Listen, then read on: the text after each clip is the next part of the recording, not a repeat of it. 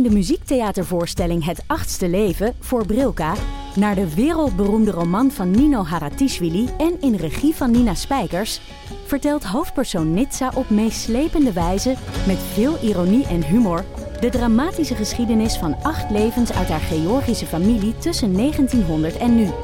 Een hartverscheurend en tegelijk troostrijk drama verteld vanuit het perspectief van vrouwen uit verschillende generaties. Waarbij het publiek meegenomen wordt op een emotionele, visuele en muzikale reis door de 20ste eeuw. Koop je tickets voor het achtste leven via oostpol.nl. Hallo, ik ben Jaap Jansen. En die zagen een blad gaan met korenwijn. En ik maak met PG Kroeger. En een half uur later weer een blad met korenwijn. Een podcast. Toen heeft het kabinet gezegd, dan stappen we op. Waarin PG historische verhalen vertelt die ook veel zeggen over vandaag. Goed zitten zijn, dat is een first voor mij. En waarin leiders en echte deskundigen vertellen hoe het werkelijk toegaat. In Den Haag en in Brussel. En dan weet je hoe dat afloopt. De grote landen domineren, de kleintjes die worden onder de voet gelopen. Betrouwbare bronnen. Het is waanzin. Hoe is het mogelijk? Twee keer per week in je favoriete podcast Hallo daar, fijn dat je luistert naar Boeken FM, de literaire podcast van Dasmag en de Groene Amsterdammer. Wij nemen op in de studio van Dag en Nacht Media. Wil je nou nooit meer een aflevering van ons missen? Abonneer je dan nu in je eigen podcast-app en geef ons ook vooral een heleboel sterren en recensies. Dan zijn we ook zichtbaarder voor anderen die ons misschien willen luisteren. Heb je een vraag voor ons of ben je heel erg boos, vooral op Joost? Stuur dan een mail naar boekenfm.dasmag.nl. En we zijn tegenwoordig ook te vinden op Instagram, boekenfm. Ja, ik ging altijd gewoon uh, bijna elke woensdagavond. Nou, niet bijna elke woensdagavond, maar we gingen vaak woensdagavond. Er was de bibliotheek langer over. Ja. En dan ging ik naar de bibliotheek en in Heergewaard. En ja, uh, toen las ik natuurlijk nog geen boeken, want ik was gewoon uh, 6, 7, 8, 9. En dan las ik altijd al die stripboeken die er waren. En dat was gekmakend, want de bibliotheek had niet alles. Dus Ja. dan had je zeg maar, dan pakte ik roodbaard en dan hadden ze vijf, zes, 9 en 11. Dus dan las ik dat in de front. En dan ik de hele tijd denk van, wat gebeurt er nou? Wat gebeurt er nou? Het duurde heel lang voordat ik door had dat de collectie niet eh, compleet was. Hallo allemaal en welkom bij Boeken FM, de literaire podcast van uitgeverij Das Mag en Weekblad De Groene Amsterdammer. Ik zit vandaag in de studio met Joost de Vries, Ellen Dekwits en Merel Borst, onze lieftallige producer. Eh, we zitten hier op een ongewoon matineus uur, Ongelooflijk. Eh, dus we zijn allemaal een stuk frisser dan normaal. en vandaag wou ik het hebben over, eh, over iets dat ik las in een column van een niet nader te noemen columnist. En zij schreef over het nieuwe boek Mama Morfose van Renske de Geef. Dat het een stripverhaal is, al heet dat tegenwoordig een graphic novel. Hé, wat grappig. Ik heb er laatst een column van Sylvia Witteman over gelezen. Die schreef volgens mij hetzelfde. ongeveer. Ja, wat grappig. Dus deze columnist heeft dezelfde mening Ja, als jouw toevallig. moeder. Nee, die lees ik niet, die columns. Dus ik zou het niet weten. En, en wat, wat zei deze columnist daar dan over? Nou goed, verder ging het niet op heel erg op in, maar ik las een zeker Dédain in dat zinnetje een stripverhaal, al heet dat tegenwoordig een graphic novel. Alsof het een soort newfangled woke beweging zou zijn om, eh, om eh, stripverhalen dan een graphic novel te noemen. En dan zou er dus geen onderscheid bestaan tussen graphic novels en stripverhalen. En dat vind ik nou wel een interessante kwestie, want we gaan het vandaag hebben over graphic novels. yes. Maar wat betekent dat nou? Ja, wat is het? Je zou aan de ene kant kunnen stellen dat eh, niet jouw moeder, maar deze columnist het als een kwaliteitskeurmerk opvat. Een soort van A-label, dat het echt gewoon literatuur is. Het verschil tussen lectuur en literatuur. Je zou ook kunnen stellen dat het een leeftijdskenmerk is. Graphic novels zijn voor volwassenen die zichzelf anders sneu vinden omdat ze strips lezen. Maar hebben wij ergens een wetenschappelijke definitie die wij uit onze mouw kunnen schudden? Charlotte, jij zit hier volgens mij wel lekker in. Heb jij je daar iets over liggen? Eh, ja, ik heb niet per se een wetenschappelijke definitie. Eh, het is een beetje een ingewikkelde geschiedenis. Eh, de eerste keer dat een graphic novelist zijn werk een graphic novel noemde, was al in 1976. Maar een van de beroemdste graphic novels is Mouse van Art Spiegelman. En Art Spiegelman, de maker van Mouse, die noemt het simpelweg een dik stripboek dat een boekenlegger nodig heeft. Zo definieert hij ook de graphic novel. Hij vindt het ehm, aanstellerig om de term graphic novel tevoorschijn te halen. Om op een, of- omdat het op een of andere manier de kwaliteit van strips omlaag zou halen. Omdat je dan een onderscheid maakt tussen, Ja. tussen strips die dan over science fiction gaan of ik veel wat. En eh, graphic novels die dan op een of andere manier meer literaire merites hebben. Ik vind, dat wel, vind het wel chic van hem, want op een of andere manier Ja. toont hij solidariteit Ja. met, met zeg maar stripverhalen over eh, superhelden en zo.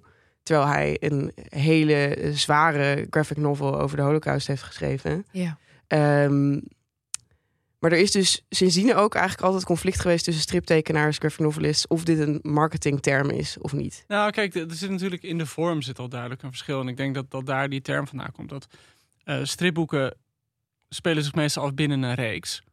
Nou, je noemde die, die comics al over superhelden, maar wij hebben natuurlijk hier Suske en Wiske. Dat, dat zijn eindeloze doorlopende series. Uh, die, en omdat het een serie is, houden die zich altijd vast aan dezelfde stijl, um, aan altijd 48 pagina's aan gekaderde pagina's met, hè, waar alle tekenen zich binnen dezelfde vierkantjes van hetzelfde formaat afspelen. En ik denk dat een graphic novel per definitie vaak op zichzelf staat, dus geen deel uitmaakt van een reeks, meestal. Uh, het is vaak ook veel dikker. Het is vaak in uh, stilistisch diverser. Maar ja, dat hoeft allemaal niet hoor. Want er zijn ook heel veel gewoon stripseries te bedenken... waarin gewoon heel veel uh, verschillende dingen door elkaar heen gebeuren. Het betekent eigenlijk gewoon dat er meer kan, toch? Want het zijn ook bijvoorbeeld... Het is, materie is vaak iets anders dan wat er in En denk ik dat het, dat het boek op zichzelf staat. Dus volgens mij is het meer een term die in gebruik is geraakt... om dat onderscheid te maken tussen dit is niet onderdeel van een groot geheel. Dit staat op zichzelf. Nou, volgens mij, nou, daar kunnen we het zo meteen met mijn keuze al heel erg over, uh, over gaan hebben. De grappige is dat de definitie die je nu geeft, Joost, zou inderdaad van Maus, van Spiegelman, een gewoon stripverhaal maken. Want dat is heel sterk gekaderd. Ja, maar, het, ja, maar heeft het niet ook. Ja, uh... het heeft ook wel weer vrijere pagina's. Ja, en dat heeft ook, zeg maar, als je die, die panels dan naast elkaar bekijkt, heb je ook weer grotere tekeningen die lijken te overlappen als je het zegt. En, maar, en, panels... maar het boek staat wel op zichzelf natuurlijk. Het maakt niet deel uit van een reeks. Nee, dat het is leuke is, want lieve luisteraar, voor degene die het uh, ja, onmogelijk denkt, maar die niet weten waar Maus over gaat, het zijn de herinneringen die Art Spiegelman heeft meegekregen van zijn vader over de tijd dat zijn vader in Auschwitz zat. En het zijn hele kleine, ja, nou, het zijn wel grotere panelen, maar het zijn eigenlijk gewoon hok. Het is echt in hokjes getekend. Ja. En het is gebaseerd op de striptekenen die Spiegelman heeft uh, gevonden in musea van mensen die in een uh, concentratiekamp zaten en over hun ervaringen daar tekenen. Daar is ook een deel van de stijl van afgeleid. Oh, dat wist ik niet. Dus het ja, dat is ook het kleurgebruik is ja. bijvoorbeeld van afgeleid. Dus ja. Met heel weinig kleuren, heel veel grijs tinten ja. uh, is het gebruikt. Ja. We zullen het even over Maus hebben gewoon. Misschien moet ja. je daarmee ja, nee, het is goed. Als, als quintessential ja, als graphic gewoon, novel. Want dat heeft de Pulitzer gewonnen, zeg ik uit mijn hoofd. Uh, en dat was echt zo'n doorbraak ook uh, voor het genre de graphic novel, in Amerika in ieder geval. Omdat het opeens zo literair werd gezien. Ook omdat het zo'n ja, uh, heftig onderwerp als de holocaust durfde aan te pakken. opeens werd gewoon de, de, de, de stijl en het onderwerp uh, en de toon uh, maakt het gewoon echt tot iets anders. Waardoor mensen echt op een andere manier daarnaar keken. Ik snap dat Spielman zich hier wel tegen verzet of zo. Het is alsof je een musical maakt over Auschwitz... en dat dan het woord musical ineens niet meer toereikend is. Dat je dan gaat zeggen uh, familieopera of zo. Ja, maar ook, ook, ook... Kijk, Spiegelman was heel... of is, hij leeft nog... Ja. is heel erg fan van ook tekenaars als... Crump. Mag ik net zeggen. Ja. Crump, uh, Will Eisner ja. ook. En die hebben zichzelf nooit als graphic novelist geprofileerd. Will Eisner was de eerste die het woord a graphic novel op zijn uh, ding heeft gezet. Oh, dat Will heeft Eisner wel heeft gedaan. Dus ook een, ja. een heel mooi... De eerste die Oh, dat heeft gedaan, maar hij, dat ja. was een soort half grapje, geloof ik. Oh, oké. Eh. Hij heeft zichzelf ook niet echt een graphic novelist willen noemen, maar hij heeft gewoon een graphic novel op zijn. Grappig, want terwijl later de grote prijs voor graphic novels de Eisner Award Ja. is geworden. Dat is ook weer, nou ja, oké. Ja, Eisner heeft dus ook een, een holocaust eh, graphic novel gemaakt. Tussen the Eyes of Gold, heet het volgens mij. Ja, Ja. heel bijzonder, heel bijzonder eh, boek is dat ook. Maar terug even naar, naar Maus. Maus. We krijgen dus daar het verhaal mee van eh, aan de ene kant Art Spiegelman zelf. Die zit erin en die wil van zijn vader weten van wat er gebeurde. En Ja. nou in die classic, wat heb jou meegemaakt in een kamp? Zeker omdat je volgens mij al fijn in het begin van die strip ook mee hebt gekregen dat Art Spiegelmans moeder, die ook in de oorlog in een concentratiekamp zat, zelfmoord pleegt. Op een gegeven moment als hij een jaar of twintig is of zoiets. En hij wil die verhalen wil die gaan eh, indexicaliseren.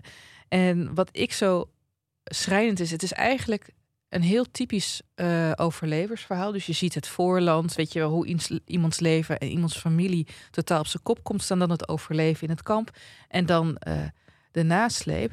Maar om de een of andere reden is de manier waarop Spiegelman dit verbeeldt, maakt het zo ontzettend heftig. Want hij tekent niet de mensen als mensen, maar als diertjes. Dus je hebt eh, de Duitsers zijn katten, de Joden zijn muizen, de Polen zijn varkentjes. De Britten zijn vissen. Waarom eigenlijk? Maar oké. De Fransen zijn kikkers, dat snap ik dan weer wel. De Amerikanen zijn hondjes. En wie waren de motten, de zigeuners? Gewoon, ja, de Polen zijn varkens. Ja, de collaborateurs. Ja. Ehm, ja, en het gekke is dat dat op geen enkele manier daarmee... eh, ja, wordt het, wat vinden jullie? Wordt het daarmee lichter? Ik denk dat dat wel, de, dat het Hmm. wel vaak zo wordt genoemd, maar dat ik het Dat juist voelde het voor mij heel aangrijpend vind, op omdat, andere manier. omdat die muizen die hebben eh, een soort van automatisch onderdanig manier op hoe ze eruit zien, met die kraaloogjes en die puntneusjes. En omdat ze zich verstoppen in holletjes en zo. Dus de er associatie is schattig uit. Zo, zo weerloos. ja, Nou ja, en, weerloos. en de rolverdeling tussen kat en muis is gewoon meteen duidelijk. Ja, ja, en ook omdat je daarmee eigenlijk eh Nazi-Duitsland neerzet als iets dat bijna voor uit, uit, uit sadisme doet wat het doet of zo. Want een kat is natuurlijk legendarisch voor het spelen met zijn eten of zo. Ja, maar het, maakt, het, houdt, het, het, tekent ook een natuurlijke rolverdeling. Eh God, dan kan je eigenlijk wel een heel, heel eh, werkstuk op Er de zullen talloze scripties. Wat, ja, inderdaad. Wat, wat daar precies achter zou zitten. Tegelijkertijd vond ik die indeling eh, bezwaarlijk. Omdat je daarbij heel erg voorbij gaat aan de men- mensen die, de Duitsers die het goede hebben gedaan. Ja. De Polen die het goede hebben gedaan. Maar ook de Amerikanen die het foute hebben gedaan. Ja, maar ik denk dat het ook is, omdat het een raamvertelling is natuurlijk, is dat de vader van Art, die ziet het ook gewoon zo rigide. die heeft het Ja, ook de hele tijd punt. over... Ja, eh, punt, ja. en Art, die, die zit daar alleen maar gewoon te vertolken wat hij dan, wat hij dan te horen krijgt. ja, het echt uit die Ja, vader het is te misschien trekken. ook een beetje het idee dat het het verhaal van een vader aan zijn zoon is. Een En die zoon is inmiddels wat, wat ouder natuurlijk. Maar je hebt bijna het, het standaard idee dat een vader een soort sprookje vertelt aan zijn zoon. Alleen dit is natuurlijk het zwartste, grimmigste sprookje dat je kunt bedenken. Ja.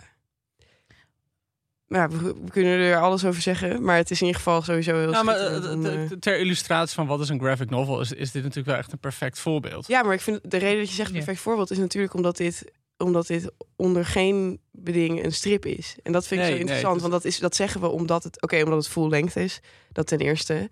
Maar als je een full length ding over Superwoman zou doen, dan is het toch weer. Ja, maar, maar heeft dat ook niet, het speelt ook niet mee dat als je de term stripboek eh, gebruikt, dat heel veel mensen aan jonge lezers zullen denken. ja, En is- natuurlijk ja, echt niet eh, iets om aan je kinderen te geven. Ja, maar maar als ik even verder mag gaan op superhelden. Kijk, dat is natuurlijk ook geen inhoudelijk kenmerk om iets simpel tot een strip te reduceren. We hebben de fantastische superheldenstrips van Frank Miller over onder andere Batman.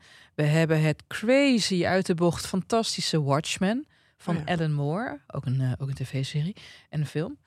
Dus ja, maar weet je, ik denk misschien zullen we het gewoon niet beeldverhaal noemen of zoiets.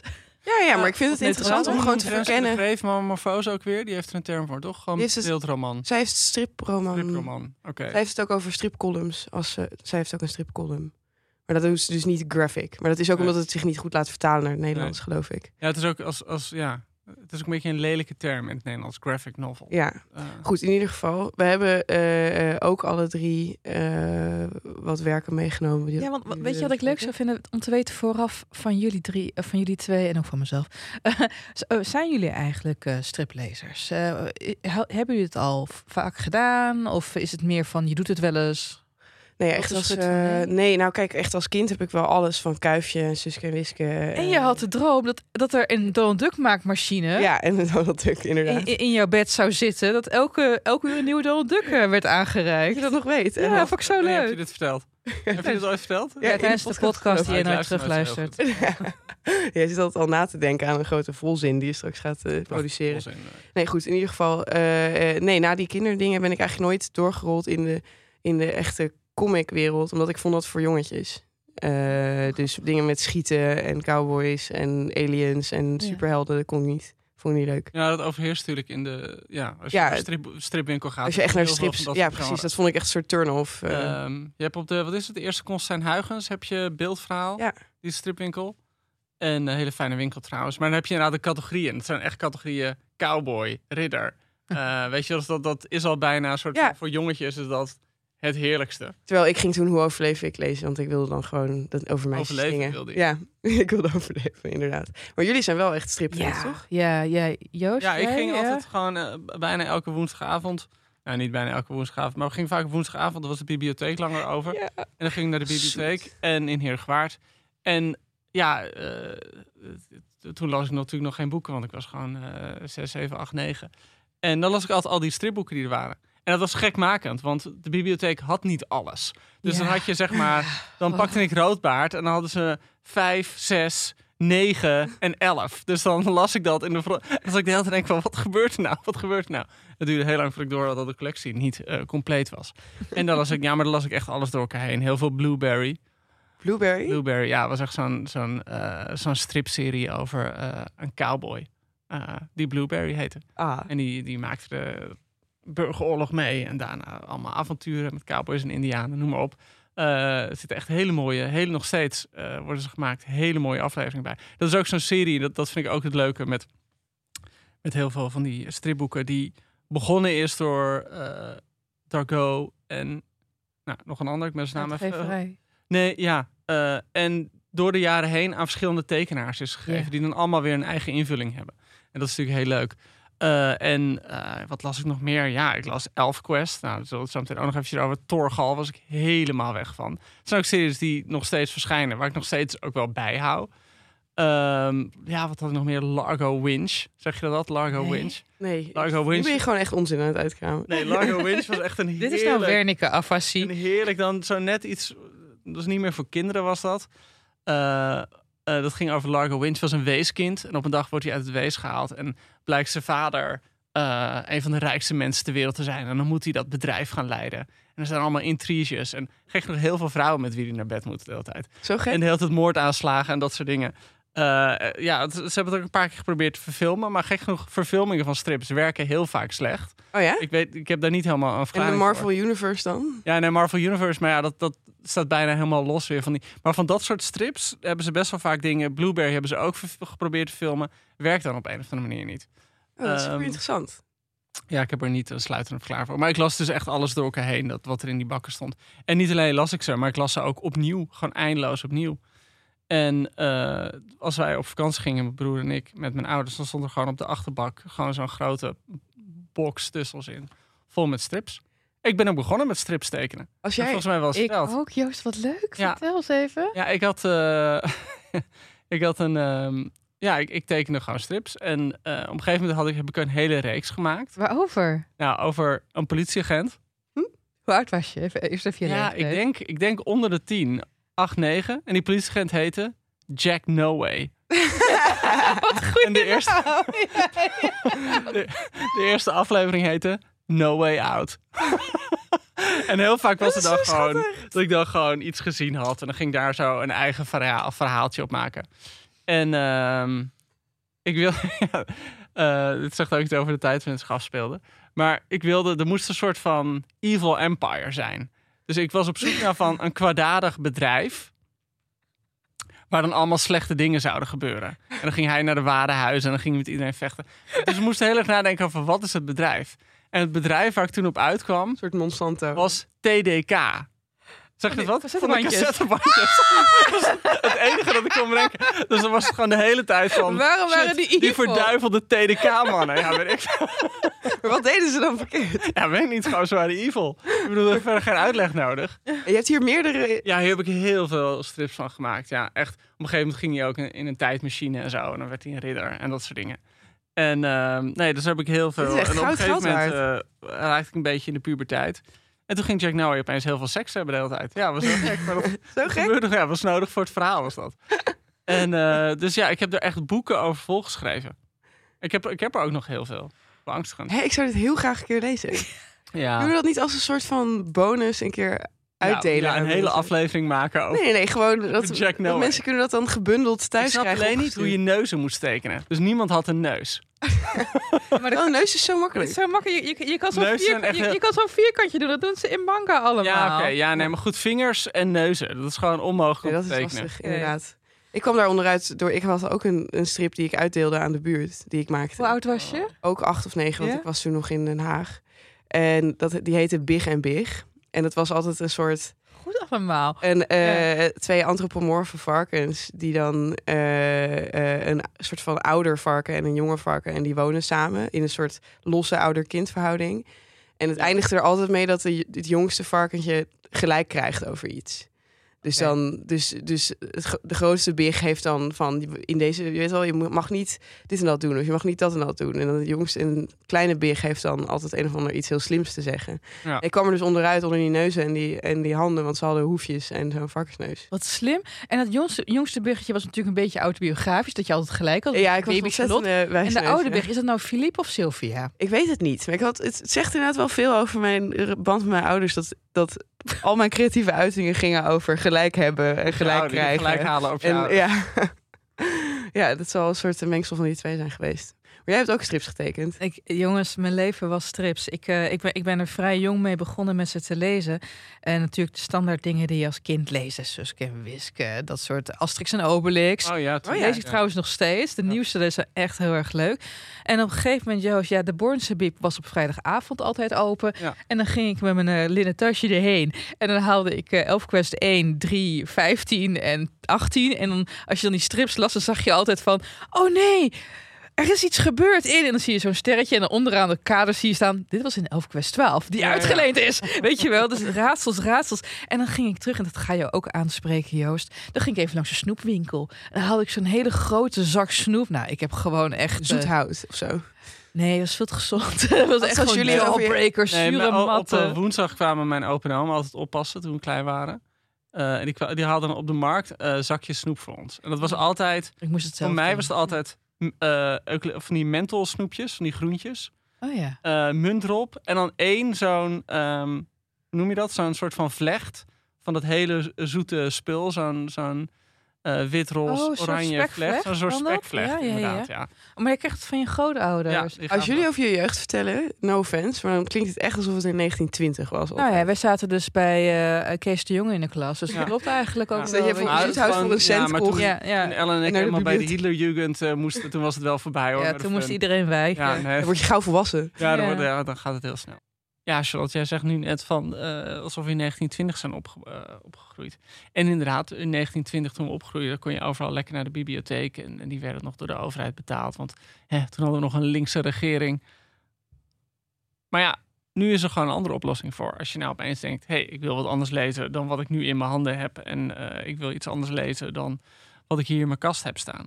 En, ik heb een hekel aan visuele media. ik heb een hekel aan visuele media. Dan is een heel mooie optie is BookBeat. Nieuwe luisterboek en e-book app in Nederland. En daarmee heb je toegang tot een brede catalogus van meer dan 500.000 boeken. Dus nou, als daar niet iets bij zit wat je zou willen hebben, dan weet ik het eigenlijk ook niet meer. Want dan hebben ze gewoon thrillers en literaire romans en biografieën en kinderboeken en feel-good verhalen. En nou, gewoon de hele zomer kun je doorlezen. En eh, je kan gewoon naar bookbeat.nl gaan. Bookbeat is B-O-O-K-B-E-A-T.nl. Eh, en dan kan je downloaden en dan kan je een abonnement kiezen. En eh, dat kost maar iets van 8 piek per maand. En je kan dus ook nog korting krijgen als je de kortingscode Boeken FM invoert. Ja, je bent eigenlijk gek als je niet doet. Het is gewoon de makkelijkste manier om van luisterboeken en e-books te genieten in de zomer. En het kan op je telefoon, het kan op je iPad. Ik weet niet wat je op je strand bij je hebt. Ga je weer het woord tablet zeggen? Ja, tablet. Ja, ik vind het woord tablet gewoon een fijn woord. Van Mozes. Mozes. These are my tablet. These are my rules. Dus, eh, Hier, hier heb je toch ook dat bij Mel Brooks, dat hij dan op een gegeven moment een grap maakt. En dan, dan speelt de acteur Mel Brooks Moses na. En dan komt hij daar met drie stenen tafelen. Here are the 15! En dan crasht er een. Here are the 10 commandments. Oké, in ieder geval Ja, geen tien, maar hoeveel? Boeken? 500.000 boeken. 500.000 Ja. boeken. En BookBeat, jongens, het komt uit Zweden. Ik bedoel, iedereen wil alles dat uit Zweden komt. Ben je wel eens in Zweden geweest?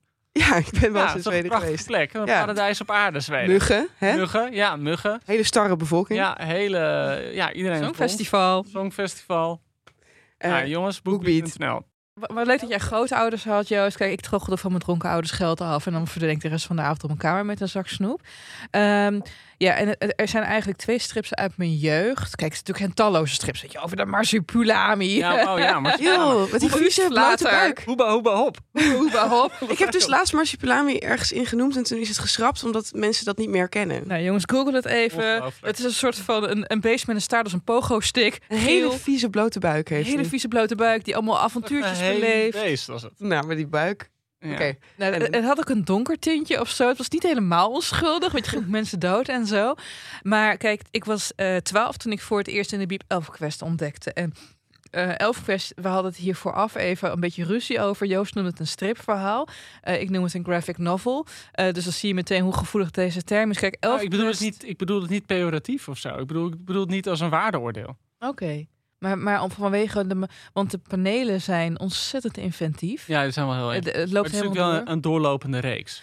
Ja, maar ook eindigt. Het is ook Ja. eindig. Maar weet je, kijk, eh, la- laat ik het zo zeggen. Elfquest en lieve luisteraar, mocht je dit interessant gaan vinden, de, alles ervan he- hebben de makers gedigitaliseerd. Dus je gaat naar elfquest.com en dan kan je alles lezen. Je moet even doorbijten. De eerste twee deeltjes zijn een beetje hoofdpijn. Waar gaat het namelijk over? In de oertijd van de mens op een alternatieve planeet, want de planeet heeft twee manen, Ja. eh, eh, komen, wonen elfen in een bos. En die elfen die zijn ongeveer zo groot als Bart de Graaf. Weet je wel, ze zien niet uit als Bart de Graaf. Ze zijn allemaal best wel hot en Het gespierd. is ook al dat niemand meer weet wie Bart de Graaf is. Hey, ik Oh zit ja, hier ook echt. Ik hoor echt. Eh. Tyrion Lannister uit Game of Thrones, de dwerg. Bart, Oh. Bart de Graaf is de B van BNN. Oh ja. Hij is de oprichter Mag van... ik hier even dan krekels zo meteen? Ja. Ja. Nee, Bart News Network. Dus ooit is dat begonnen door... Het was een, hele, was een man uit een, een, een, Nierziekte. ziekte, een nierziekte waardoor hij niet groeide. Dus hij Jullie was zijn ook de hele tijd aan het gebaren met Ja, je handen. op tafelhoogte. Ja.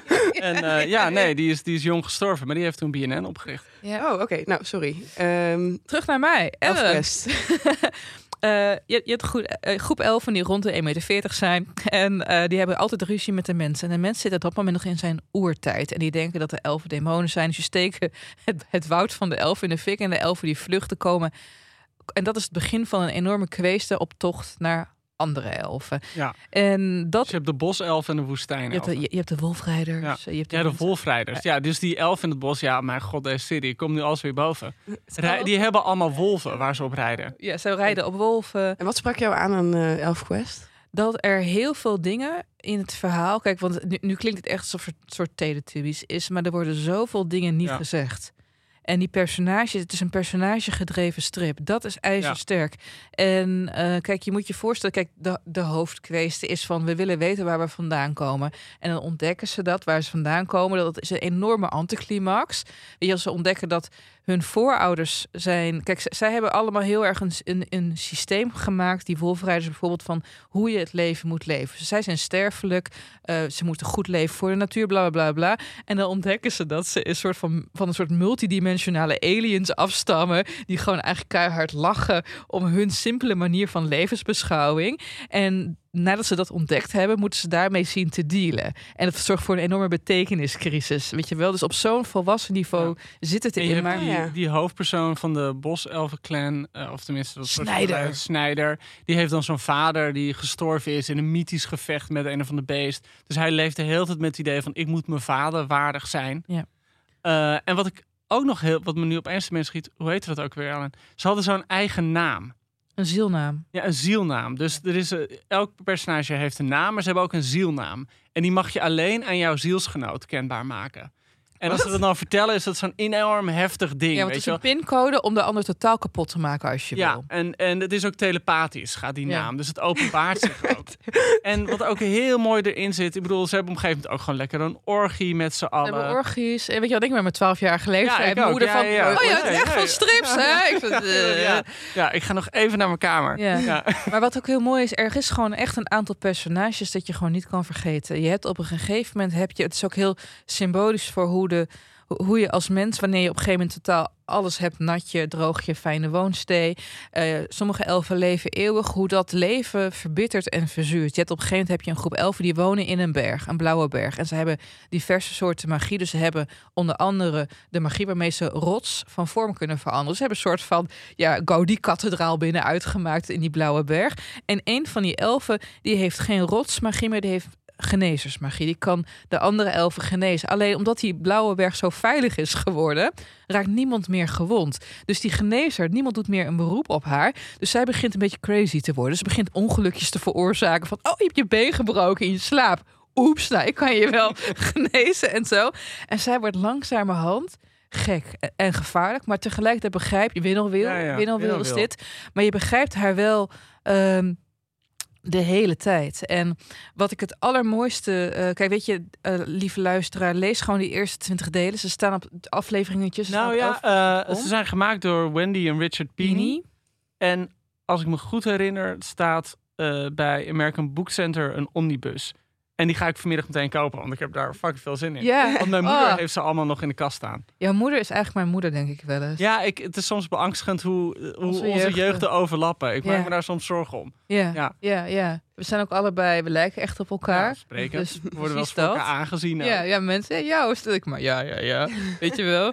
Ik, ik, Ja. ik, ik tongen met Sophie, weet je ja, Dan ga ik weer naar huis. Maar nog even een laatste stuk over ElfQuest. Ehm dit heeft mij echt heel erg gevormd. Eh, ook in mijn denken over hoe je verhalen vertelt. Want wat is soms, soms heb je een dat, dat de personages in aflevering drie, ik zeg maar wat over iets hebben. Dat je van hè, dan ga je de vorige aflevering teruglezen. Waar, waar gaat het over? En pas in aflevering 30 kom je erachter waar het nou precies op sloeg. Dus ze hebben Ja. heel slim spanningsbogen en mysterie hebben ze erin gehouden. En het is natuurlijk het perfecte voorbeeld, denk ik, van worldbuilding. Ontzettend. Dat overal, ik bedoel, er is nagedacht over hoe ze zich kleden. Ja. Eh, er is nagedacht over waar ze in geloven. Ja. eh, over wat voor humor ze hebben. Over hoe ze. Over alles is nagedacht. Ja. Dus je hebt echt het gevoel dat je echt een heel sluitend universum inkomt. Ja, en de tekeningen, dat, want dat is ook. Het, het, het, het, het, het, het is een het is, het is een mix van Jugendstil en manga. En nog ook gewoon wat meer Crump-achtige elementen. Zeker hoe die trollen zijn. Er zitten ook Ja. trollen in mensen. Zeker hoe die trollen zijn Ja. getekend. Maar wat ik zo knap vind. eh, Het geweldige veldslag die er op een gegeven moment in zit. In die, die- berg. ja. Ja. De details, het is, weet je wel, je hebt heel veel strips waar- waarbij het soms een beetje sloppy is, een beetje slordig getekend. Maar hier, je ziet gewoon, eh, een van de personages, Amber, heeft een klein babywolfje. En als je dat hondje gaat volgen, die heeft zijn eigen avonturen de hele tijd op de achtergrond. Het is echt zo doordacht. Het is net als wanneer je in Asterix en Obelix een aflevering lang kijkt wat Idefix, het hondje van de Obelix, allemaal aan het uitspoken is. Dus dat zit heel erg in Elfquest. En om nog even, ehm, je moet gewoon maar lezen, lieve luisteraar. Ehm, dat was voor mij het begin van strips, echt. En daarbij kwam, eh, kwam ook Marvel strips, maar ook Image Comics. Dus denk aan eh, Witchblade, denk aan Gen 13, denk aan Spawn. Ehm, jullie kijken allemaal ik met eh, ja, oké, goed. De- dus, en ik ben dus in mijn puberteit ook echt strips gaan tekenen. En ik had dus niet een ehm, Jack No Way, maar ik had toen ik 12 was. Dit is zo, dit is echt heel gênant. Ik had een fantasywereld bedacht en de baas. Zo, ik weet niet of ik het in moet doen. Ja, zeg Ja, maar. zeg maar. Ja, doe maar. De baas van de fantasywereld heette Heerser met een hoofdletter H. En op een gegeven moment viel die in een coma. En toen werden er, ik geloof, zeven mensen met magische gaven. Totaal Dungeons Die gingen op jacht om een genezing te vinden voor die heerser. Weet je, wat gewoon echt een smoes was. Want iedereen was... Ik, het was eigenlijk een excuus om iedereen chronisch met elkaar te shippen. Iedereen werd verliefd op elkaar. Ja, ja. Orgies, alle Elfquest en zo. En ik heb daarna heel veel strips eh, getekend in de stijl van Marvel. Dus in de stijl van Chris Bacalo. Denk J. Scott Campbell. Umberto Ramos zelfs. Ik wist niet dat jij zo'n grote stripliefhebber was. Ja, ja, ik ben er zo. Ja, en eh nou weet je, kijk, je hebt grote stripliefhebbers en grote stripliefhebbers. Ik denk nu aan Natasha van Loon. Eh, die schrijft heel veel over, eh, ook voor Revisor, over strips. En die organiseert de Haarlemse stripdagen.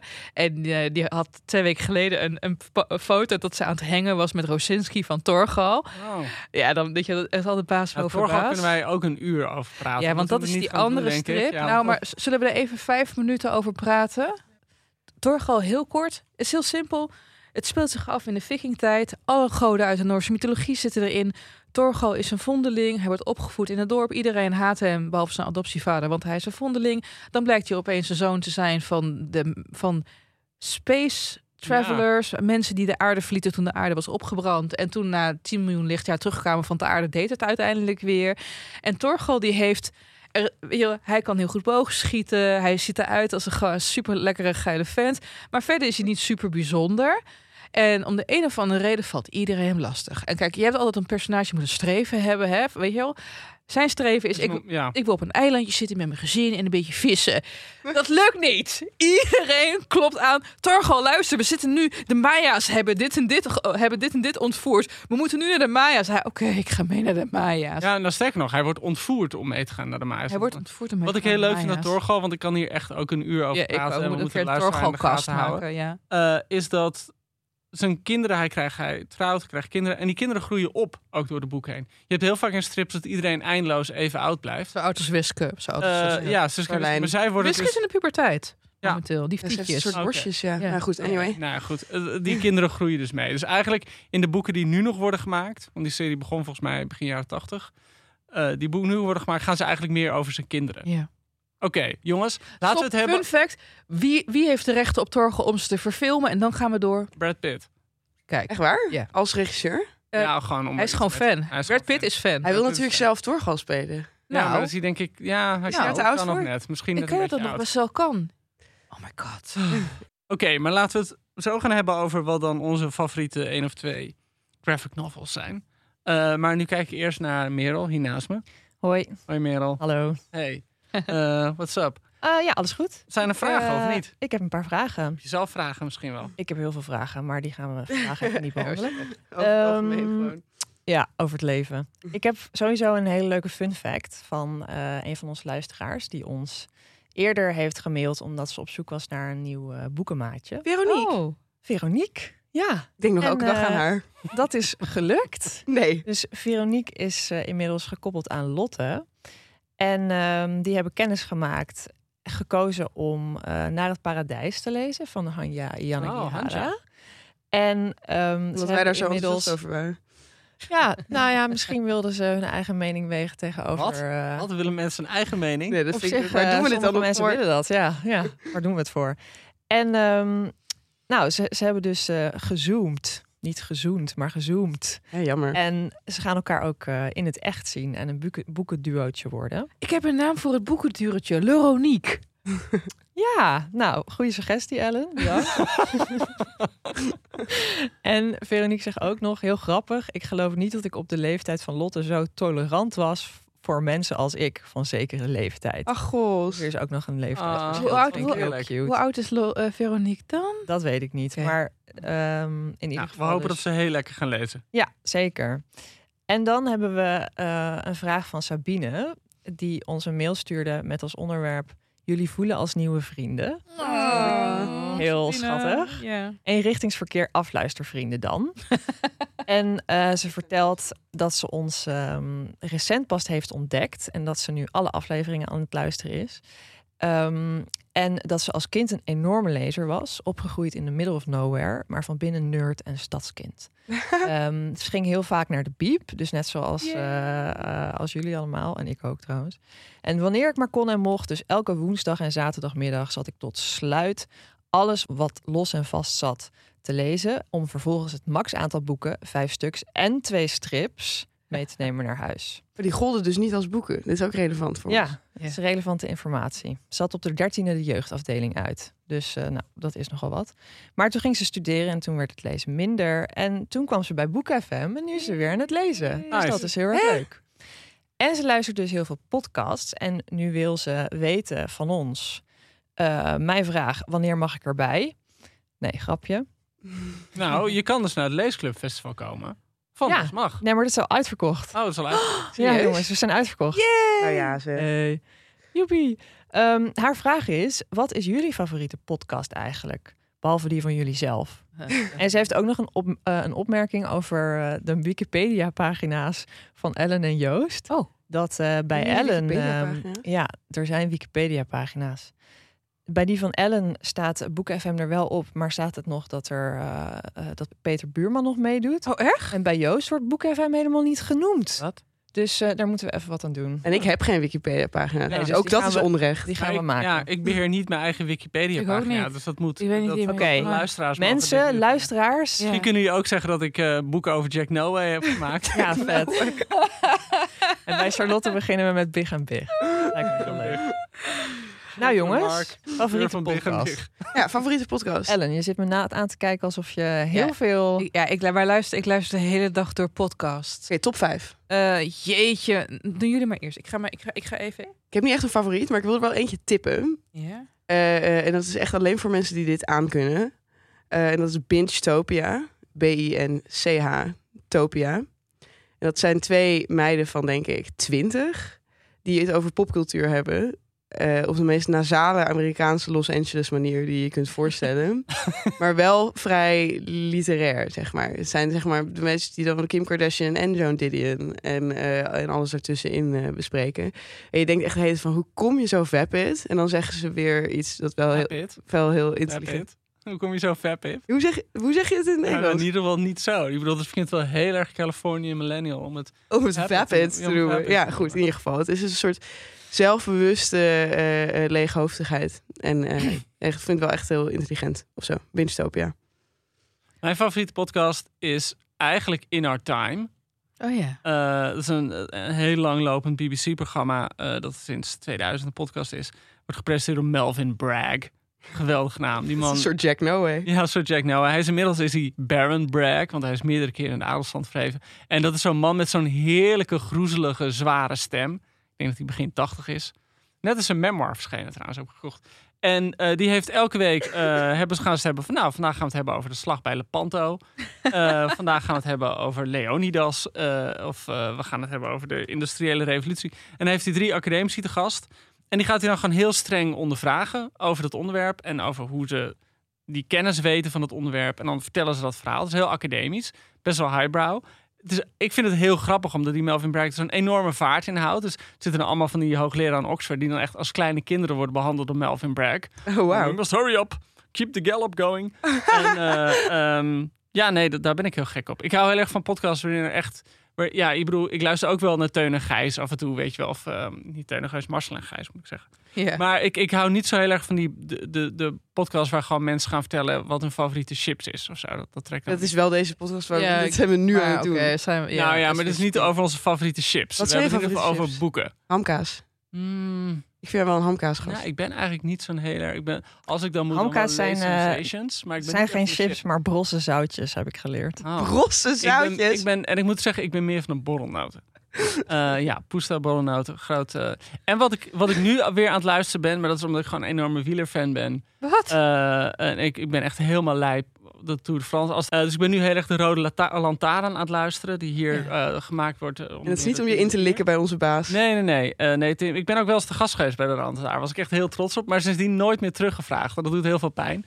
Ehm, en wat ik ben nu, ik ben nu heel fanatiek bezig. Ehm, ik heb met van die vrienden van die eh tourpools. Dat je dan renners moet invullen en zo. En dan krijg je punten. En dan met helemaal met Elp Scorito doe ik het onder meer. En sportpools. Dus ik ben nu eindeloos bezig om, om me in te lezen wat de beste voorspellingen zouden kunnen zijn. Jij hebt 48 uur de dag of zo. Ja, ja. Nou. ik, ik ook trouwens. Ja, jij ook, Ja, hè? Wat dat betreft niet wat. En, en die 48 Ja. uur. Wat luister Ellen? Wat luister je ervan? Ik heb even een, eh, een, een top 5 gemaakt en ik ga er heel snel doorheen. Op nummer 5, You're Dead to Me. eh cabaretier en, en historicus gaan, eh, eh, gaan samen met de host gaan praten over één specifiek tijdsgevecht. Telkens een andere cabaretier en een andere historicus.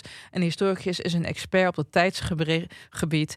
En eh, de, de cabaretier gaat grappen maken. Superleuk. Op nummer 4, Haagse Zaken van NRC. Eh, geweldige podcast. Gaat ook echt de diepte in waar veel andere politieke podcasts aan de oppervlakte blijven. Op nummer 3, Drove All Night. Waarin twee diehard fans van Tori Amos, ook wel Tori Vielen genoemd, elk nummer dat ze ooit heeft gemaakt, eh, eh, helemaal qua tekst gaan analyseren en hoe het tot stand is gekomen. Ja. Soms drie à vier uur per liedje. Dus echt geweldig. Op nummer twee de plantage van onze voorouders. Ja, Hoor mooi. je te kennen. Een geweldige podcast over het slavernijverleden van Nederland. En op nummer één een podcast genaamd Not Just the Tudors. Over niet alleen de Tudors.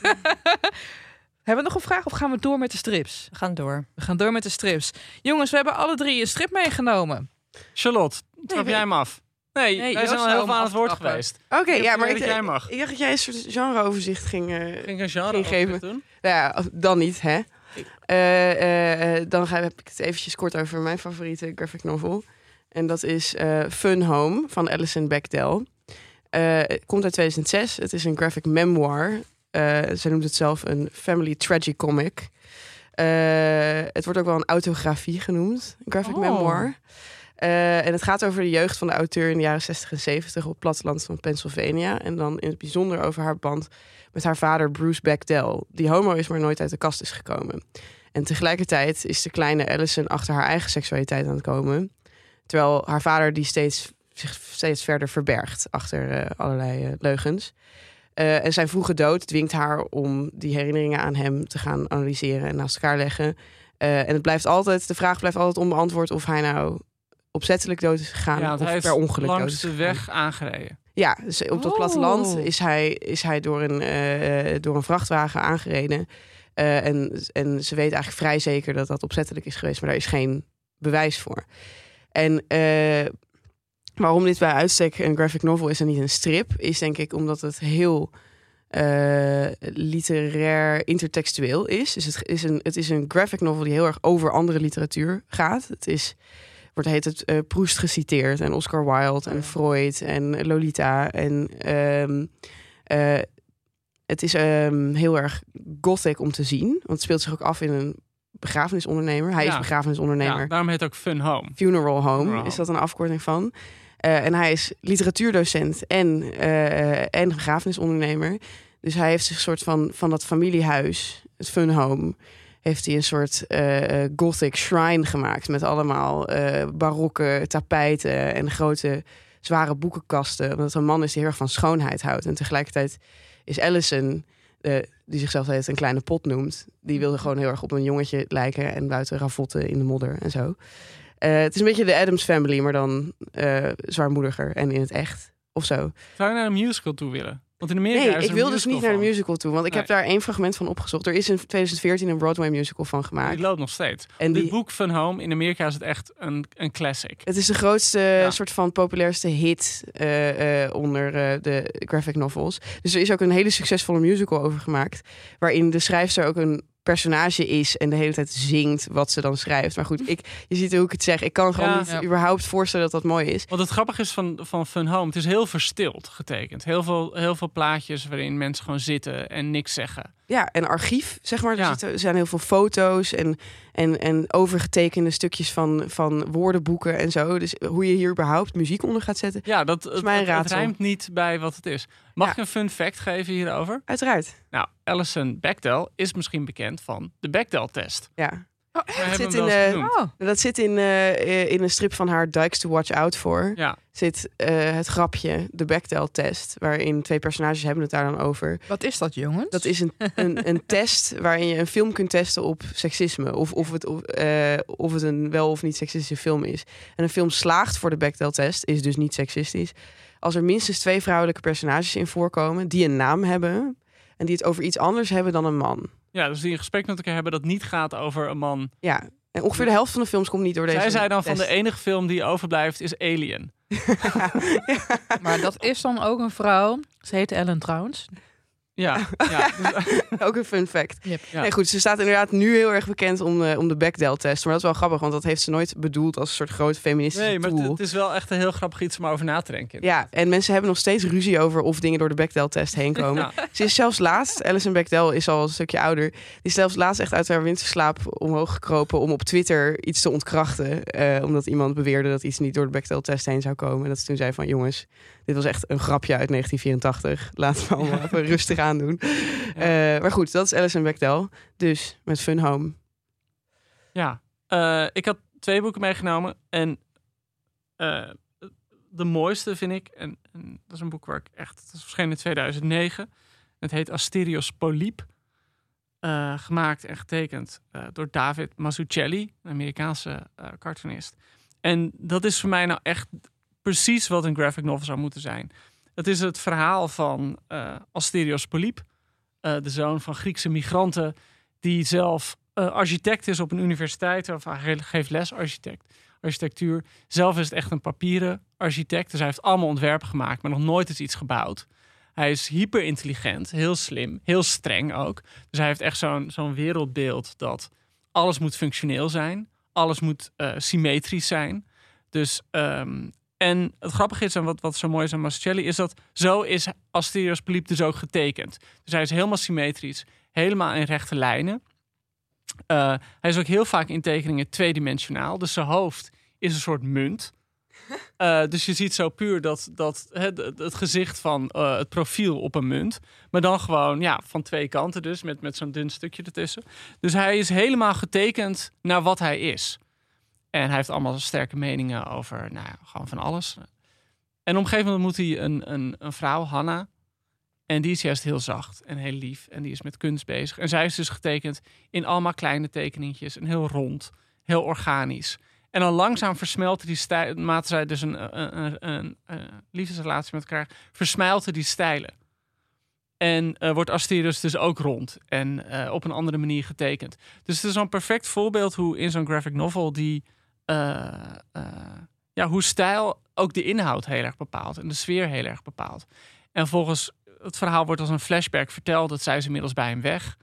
Uh, en hij, zijn huis wordt getroffen door uh, een bliksem en verbrand. En hij moet gewoon weg. En gaat hij gewoon ergens uh, in een heel goedkoop dorpje wonen. Bij een, een echtpaar huurt hij een kamer die gewoon automechanicien is. En dan gaat hij eigenlijk allemaal voor het eerste leven volkse dingen doen. Gewoon naar een barbecue en dat soort dingen.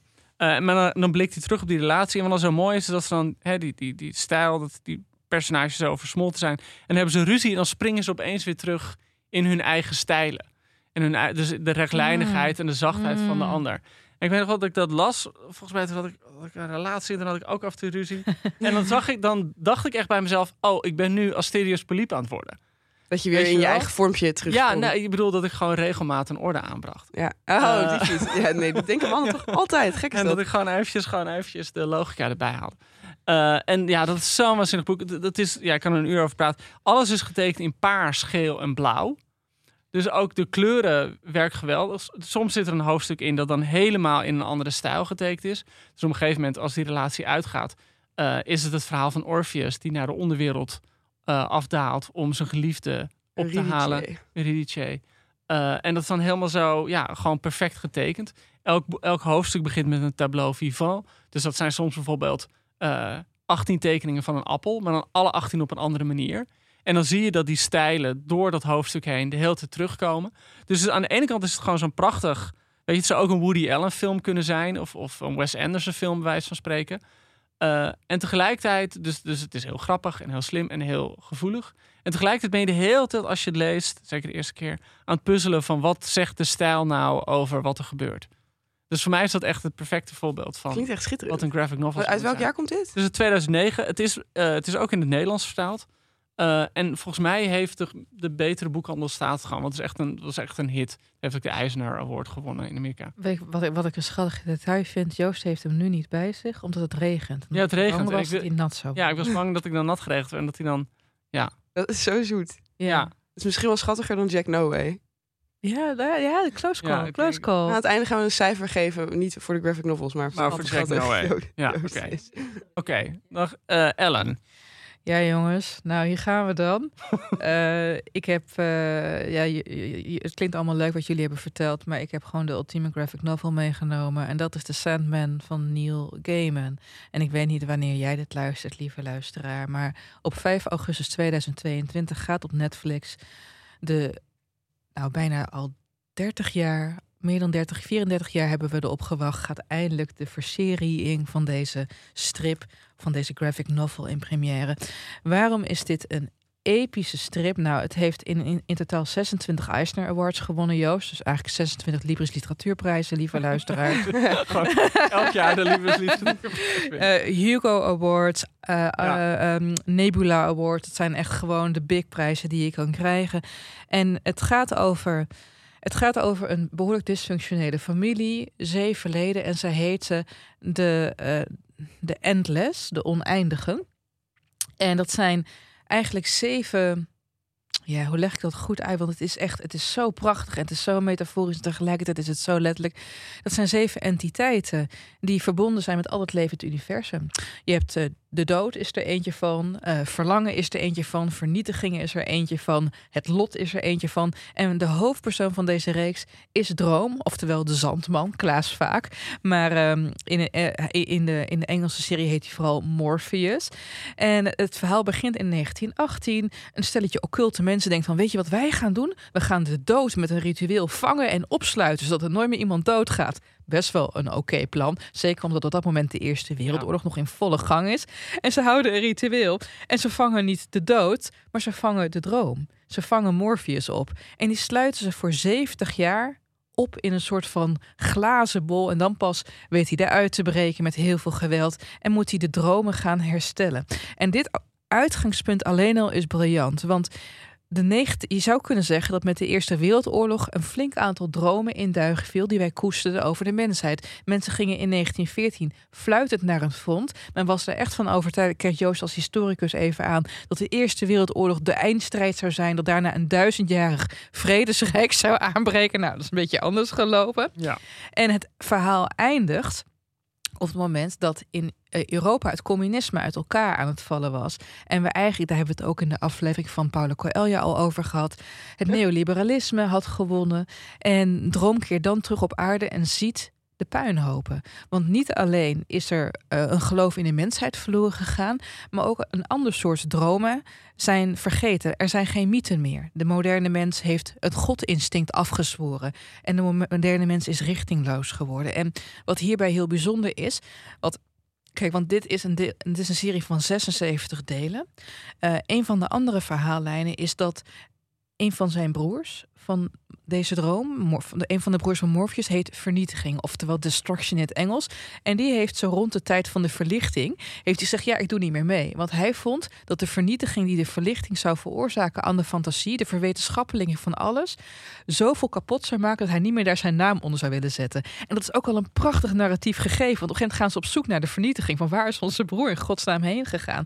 Nou, dit is in een nutshell ja, het is echt een nutshell. Want, het is, want het, is, het is, jongens, het is alles en iedereen zit in. William Shakespeare heeft een rol. Orpheus, waar we net over hadden, is een zoon van deze Morpheus. Kaan en Abel zitten erin. Die maken elkaar, althans, nou ja, Kaan maakt Abel de hele tijd dood. Eva van Adem zit in.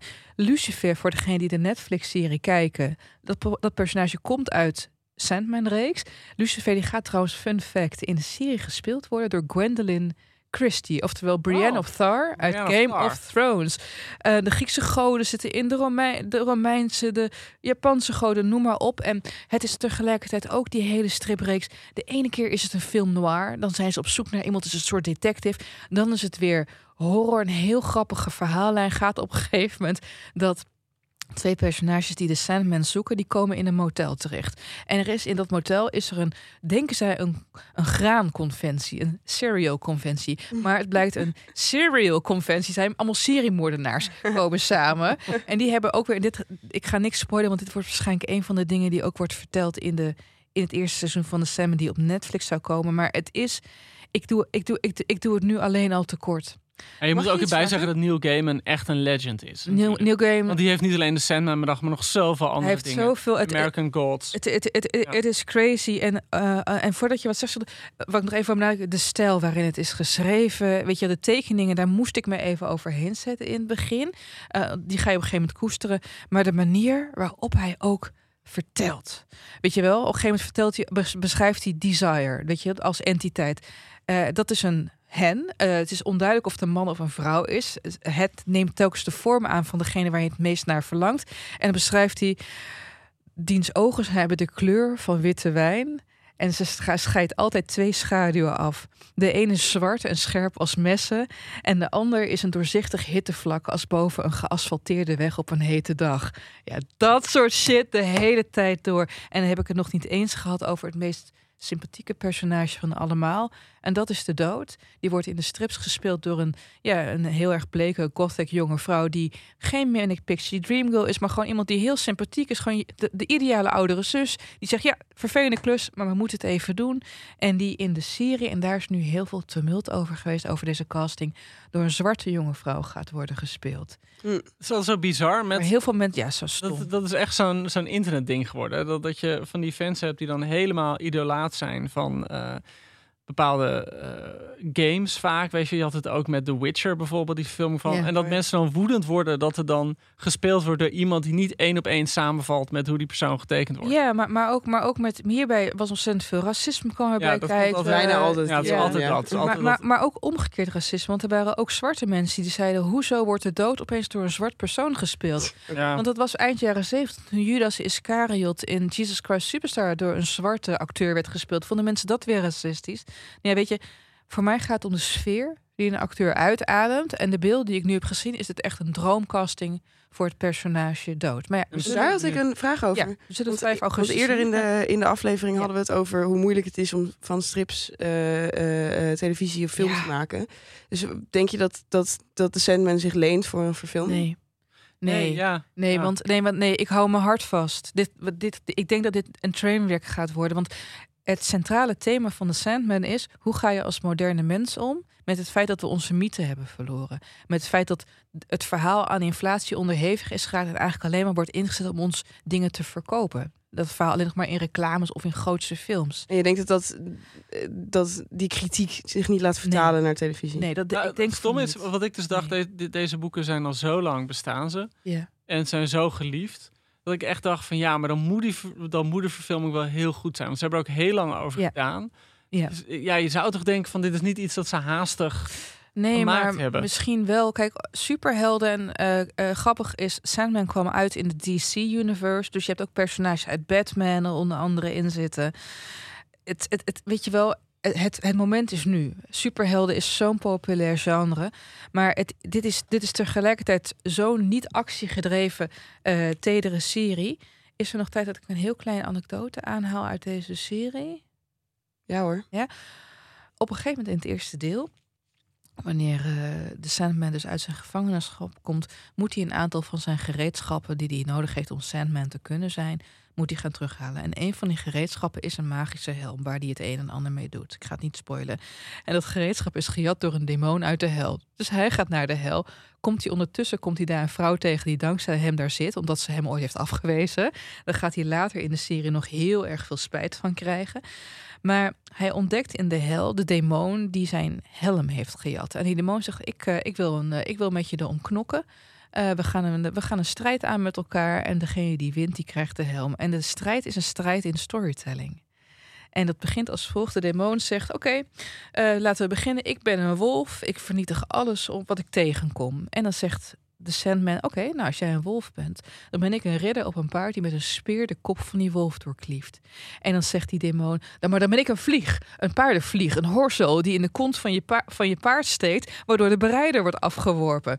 En dan zegt. eh, Dro de Sandman zegt, "Nou, als jij een vlieg bent, ben ik een spin in mijn web. En ik vang jou en ik kapsel je helemaal in. Dus jullie voelen hem, hè? Ja, ja. En het wordt steeds groter en dan, ja, soort Ovidius. ja, het is echt Ja. Ovidius.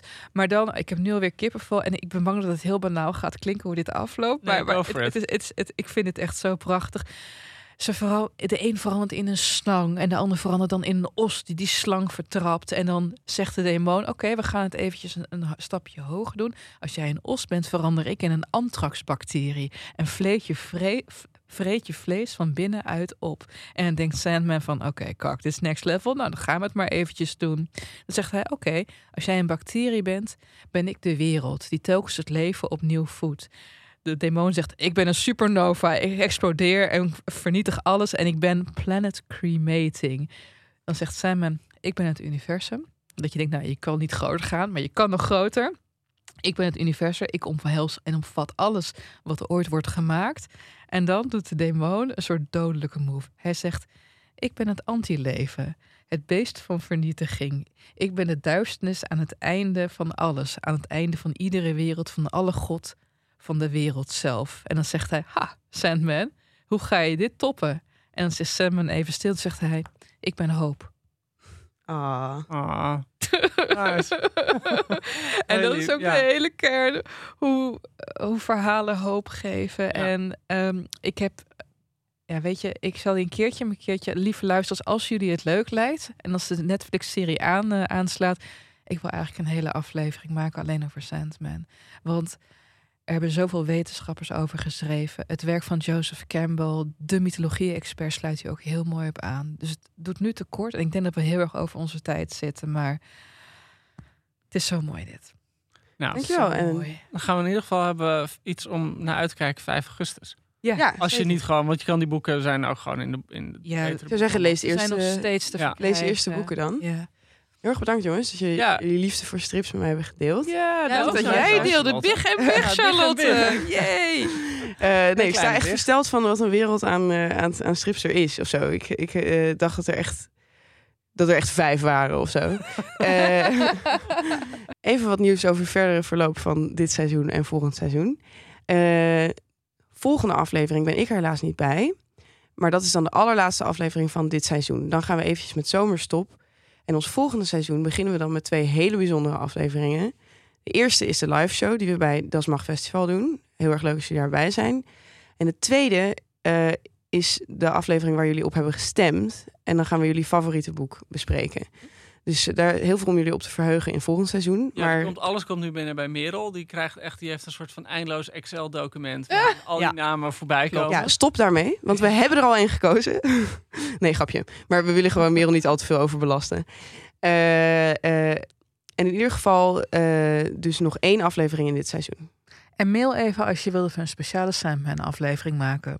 Ja, en als je nou echt denkt van, oh, ik heb dit helemaal gemist met dat favoriete boek en ik, ik wil zo graag dat jullie mijn favoriete boek bespreken, dan kan dat. Dan moet je even mailen naar boekenfm.dasmag.nl of een berichtje sturen eh, via Instagram.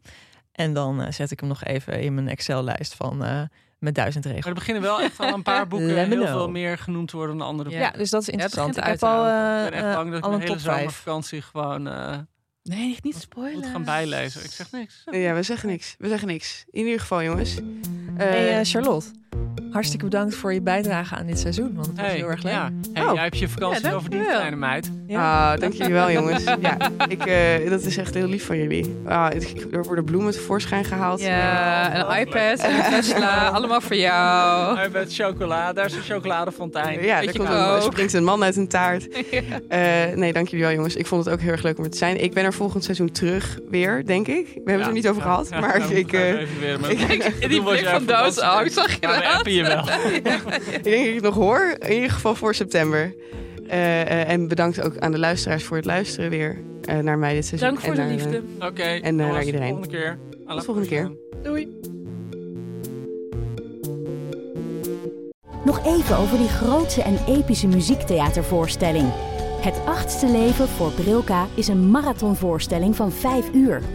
Koop je tickets voor deze bijzondere theateravond via oostpol.nl.